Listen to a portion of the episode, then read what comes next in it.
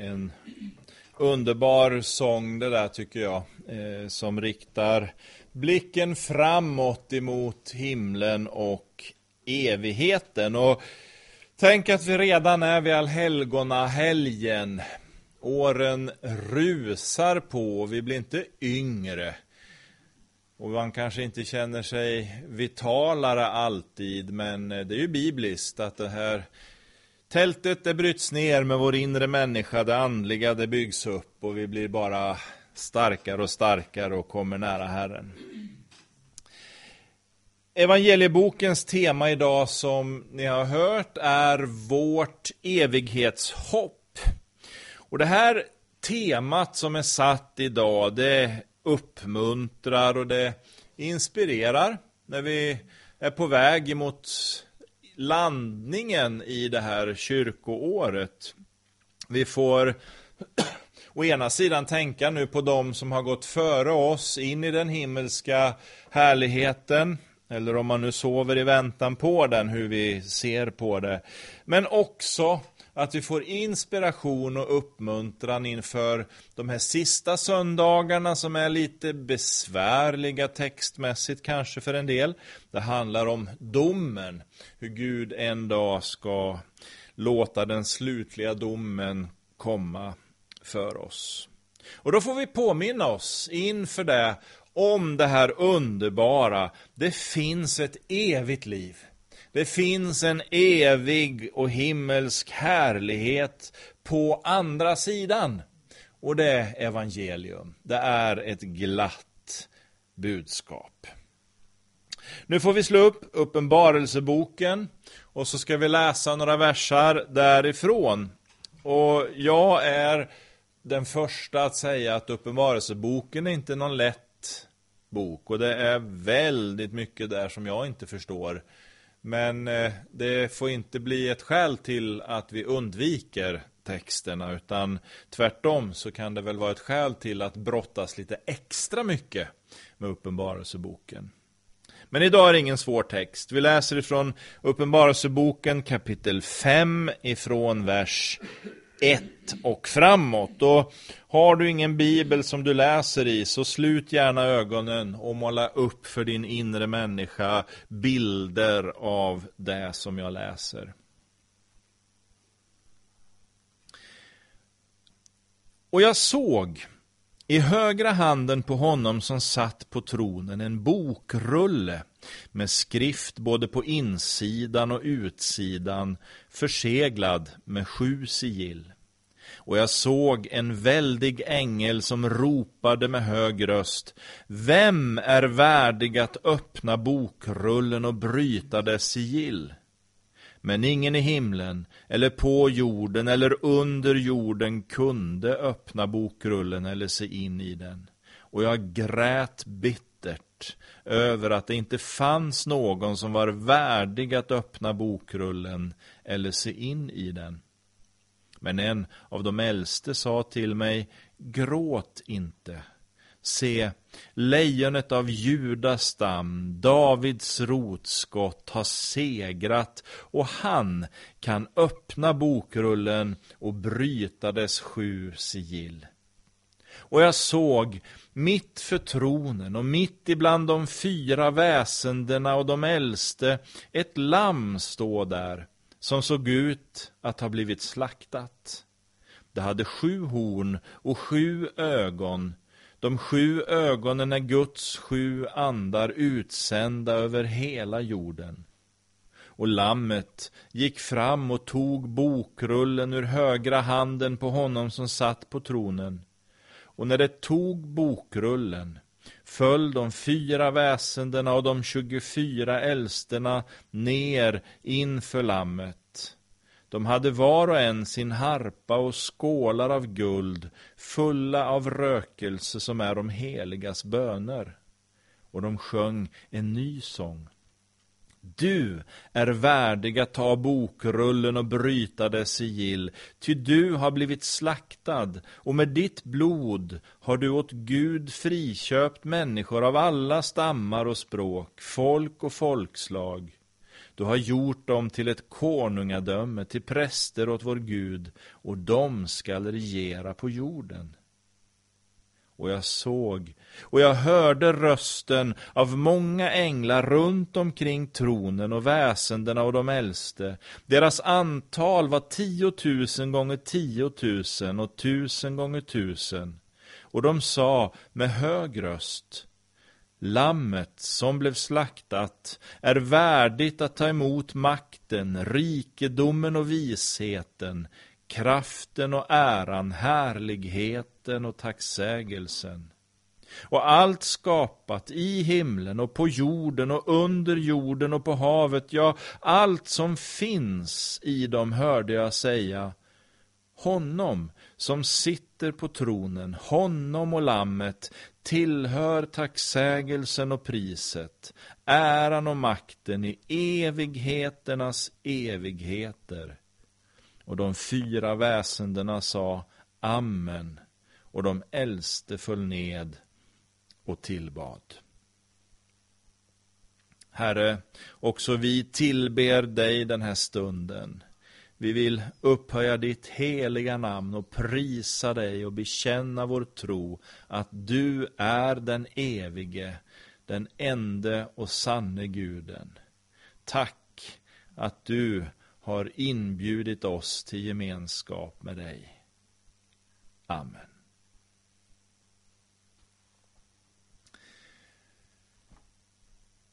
Ja, det är mäktiga ord. Om vi nu tittar oss omkring hur det ser ut i världen, där vi bor och på andra ställen, så är det väl rätt lätt att tänka att det Bibeln målar upp som beskrivning av de sista dagarna, så känns det rätt påtagligt, nu är vi där. Jesus kommer snart tillbaka. Den här tidsåldern den är på väg att gå mot sitt slut och Jesus kommer för att hämta den återlösta skaran och föra allt till dess slut. Födslovåndorna ser vi på olika områden. Det är mänskliga konflikthärdar runt omkring oss. Det är ekonomisk oro som banar väg för en ny världsordning och så vidare. Så visst, det kan vara lätt att känna en oro inför allt det här som sker. Vad kommer att hända? Hur ska jag klara mig i det här? Och där är ju själafienden fenomenal att krypa upp på vår axel och sitta och viska in massa förföriska lögner i våra öron som anklagar oss att vi duger inte, vår tro är inte tillräcklig, vår tro är inte rätt. Gud kommer att gå förbi oss. Han har vänt oss ryggen. När Johannes nu beskriver den här visionen talar han om honom som sitter på tronen. Och det är klart att det handlar om Gud fader själv. Och i den första versen läser vi att han håller en bokrulle i sin hand. Och jag vill säga att den bilden på ett tydligt sätt förklarar för oss nu i den här oron och turbulensen och gungflyt som man kan tycka att vi går på, att Gud, han har kontroll. Gud, han har full kontroll på allting. Han är universums konung. Ingenting är okänt för honom. Han håller hela skapelsen i sin hand. Ingenting sker utan hans insikt och vilja. Och av bokrullen förstår vi att utgången, den är redan klar. Alla handlingar är nedtecknade. Allt är beslutat av konungen själv. Och vi förstår när Johannes beskriver att han håller bokrullen i den högra handen, att det också vittnar om konungens makt och styrka. Det är Gud som regerar, trots allt. Han råder över livet, han råder över döden och evigheten och den fullskrivna bokrullen med text, både på insidan och utsidan, får oss att förstå att allt är färdigskrivet. Vi kan inte lägga till någonting. Och vi kan heller inte ta bort något från Guds rådslut. Förra helgen var texterna samlade kring tanken på frälsningen. Och idag fortsätter vi och fyller i det som kommer i förlängningen av talet om frälsningen, talet om vårt evighetshopp. Även om det kommer att hända dramatiska saker i skapelsen, för det som vi kan tycka är riktigt dramatiskt nu är ingenting mot vad jag tror kommer att ske. Så kommer allt att sluta med en härlig seger för den evige. Gud har oavsett omständigheterna all makt i sin hand. Och när Johannes gråter bittert i tron att ingen finns som kan öppna bokrullen, så kommer en äldste fram och tröstar honom och uppmuntrar honom och pekar på lammet. Det är han. Han kommer frälsa oss. Och det behöver vi uppmuntra varandra med. Vi behöver påminna varandra och världen om att det finns en frälsare. Det finns en som har friköpt oss och öppnat vägen till evigheten. Om han inte hade kunnat öppna den här bokrullen, ja då skulle ju problemen vara olösliga och vi skulle sitta fast där, ohjälpligt förlorade. Men det är inte det vi ser, utan vi ser lammet som är värdig att öppna bokrullen. Och det är det som också blir vårt tal och vårt vittnesbörd, hur än livet ter sig. Och det ska vi uppmuntra varandra med, samtidigt som vi inte hukar för allvaret och blir som de oförståndiga brudtärnorna som du vet att Jesus berättade om i en liknelse. Vi tror att vi har allt på det torra och så är vi inte redo när brudgummen kommer. Det handlar om att vara beredd, men också vaka i den trosvisshet och segervisshet som en sån här text ger oss. Och när nu Johannes beskriver allt det här så talar han om att lammet tydligt syns vara slaktat. Man kan låta det passera när man läser texten med en slags underförstådd tanke att ja men det där handlar ju om Jesu korsfästelse. Och det gör det ju. Men jag vill ta det ett steg längre och koppla det till en förståelse om Guds närvaro i skapelsen. För jag säger det, att jag märker att frågan om frälsningen och försoningsverket lätt blir en teori för människor. Det är tankar som vi givetvis håller som sanna och verkliga, men ändå så blir det en teori i vårt huvud, eller kanske då i vårt hjärta. Men om vi för ett ögonblick verkligen tänker på vad bilden betyder, att lammet har blivit slaktat, så förstår vi också vilket pris Gud har betalat för oss. Han som skapar universum och låter ljus bryta fram genom att bara uttala ett ord. Han skulle ju kunna knäppa med sina fingrar och låta allting bli bra igen. Men han gör inte det. Han väljer istället att själv kliva ner på vårt jordklot, gå in i vår värld. Och så tar han kampen för oss ända in i döden. Fadern offrar sin älskade son för att vi genom tron på honom inte ska gå förlorade, utan ha evigt liv. Den nya sången som där ljuder i himlen och som Johannes hör förkunnar att lammet inte bara är värdigt att bryta bokrullens sigill för att han är slaktad. Den förkunnar också hur lammet med sitt blod har friköpt människor av alla folk och stammar och språk. Och där kan jag omöjligt passera tanken annat än att ta med dig till profeten Hosea. En underbar bok och berättelse som visar djupet av Guds karaktär och vilja. Berättelsen som börjar med orden till profeten Gå och skaffa dig en sköka till hustru. Ty landet har bedrivit hor genom att överge Herren. Precis som Hoseas hustru gång efter gång springer ifrån honom för att eh, bedriva hor med andra män, så menar Gud att vi människor gång efter gång överger Herren för olika avgudar. Men, och det är poängen med berättelsen, det är ju att Gud skickar hela tiden ut profeten efter den otuktiga hustrun. Han ger inte upp henne trots att hon många gånger inte verkar vilja ha viljan att vara med honom. Han har tålamod med hennes ständiga snedsprång. Och på samma sätt ger inte heller Gud upp oss avfälliga människor.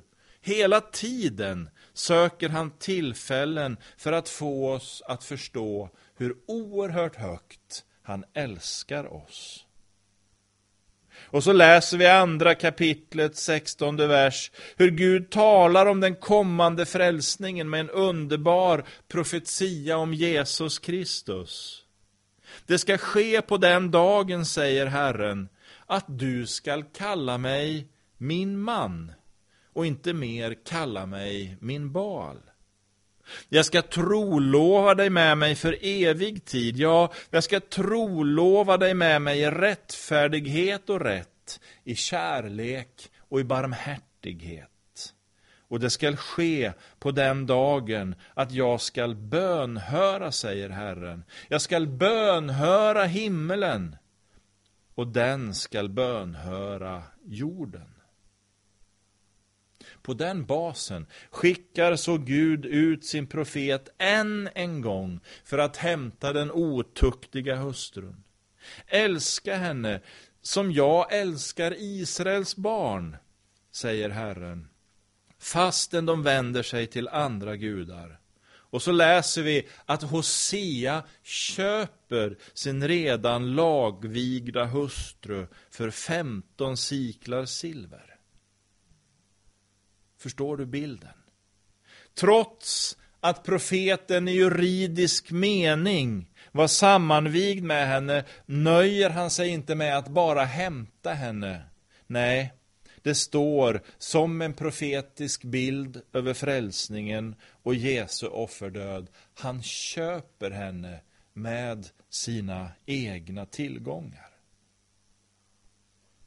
Och så finns det så oerhört mycket att hämta från berättelsen om Hosea när det gäller att förstå Guds kärlek till oss människor. Hur han har en plan för vår frälsning och hur han, precis som han säger genom Jeremia, att han har älskat oss med en evig kärlek. Och därför låter han också nåden förbli över oss. Inte så att vi tar det som en intäkt för avgudadyrkan och gudsfrånvändhet, men för att vi förstår hur högt Gud älskar oss människor. Och när vi når dit att människors frälsning blir vår högsta längtan, ja då får vi också slutligen ett grepp om lovsångens karaktär och väsen honom som sitter på tronen, honom och lammet tillhör tacksägelsen och priset, äran och makten i evigheternas evigheter. så förstår vi att vi bygger inte vår gudsrelation i första hand på vad Jesus har gjort för oss. Det är viktigt, vi får inte tappa det perspektivet. Men hans utgivande kärlek som slutade på korset, som är grunden för frälsningen och uppståndelsen från de döda, det är vårt levande hopp om att också få möta honom ansikte mot ansikte på uppståndelsens dag. Och då känner jag att det är där jag hämtar min förståelse.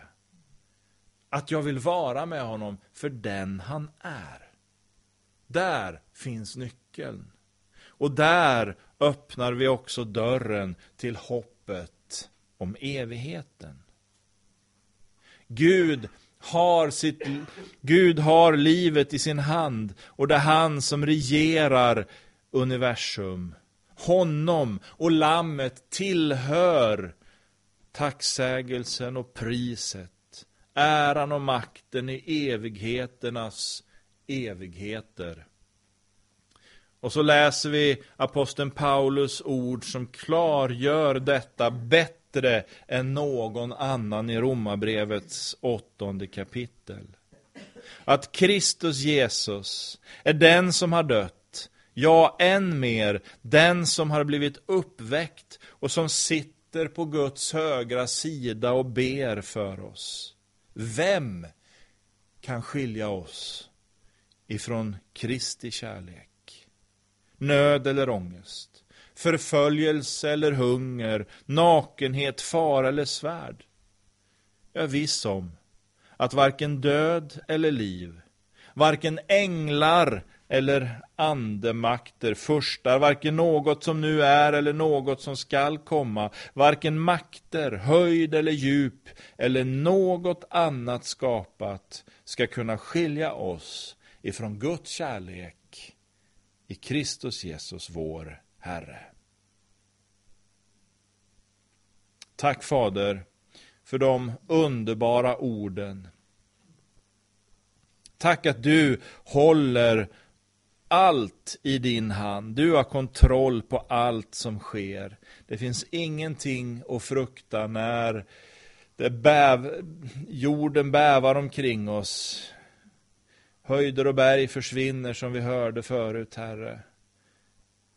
Men den som tror ska finna att dina löften står kvar. Och löftena, Herre, de är till vår fördel. Att tillsammans med dig har vi ett evighetshopp som är starkare än varje omständighet.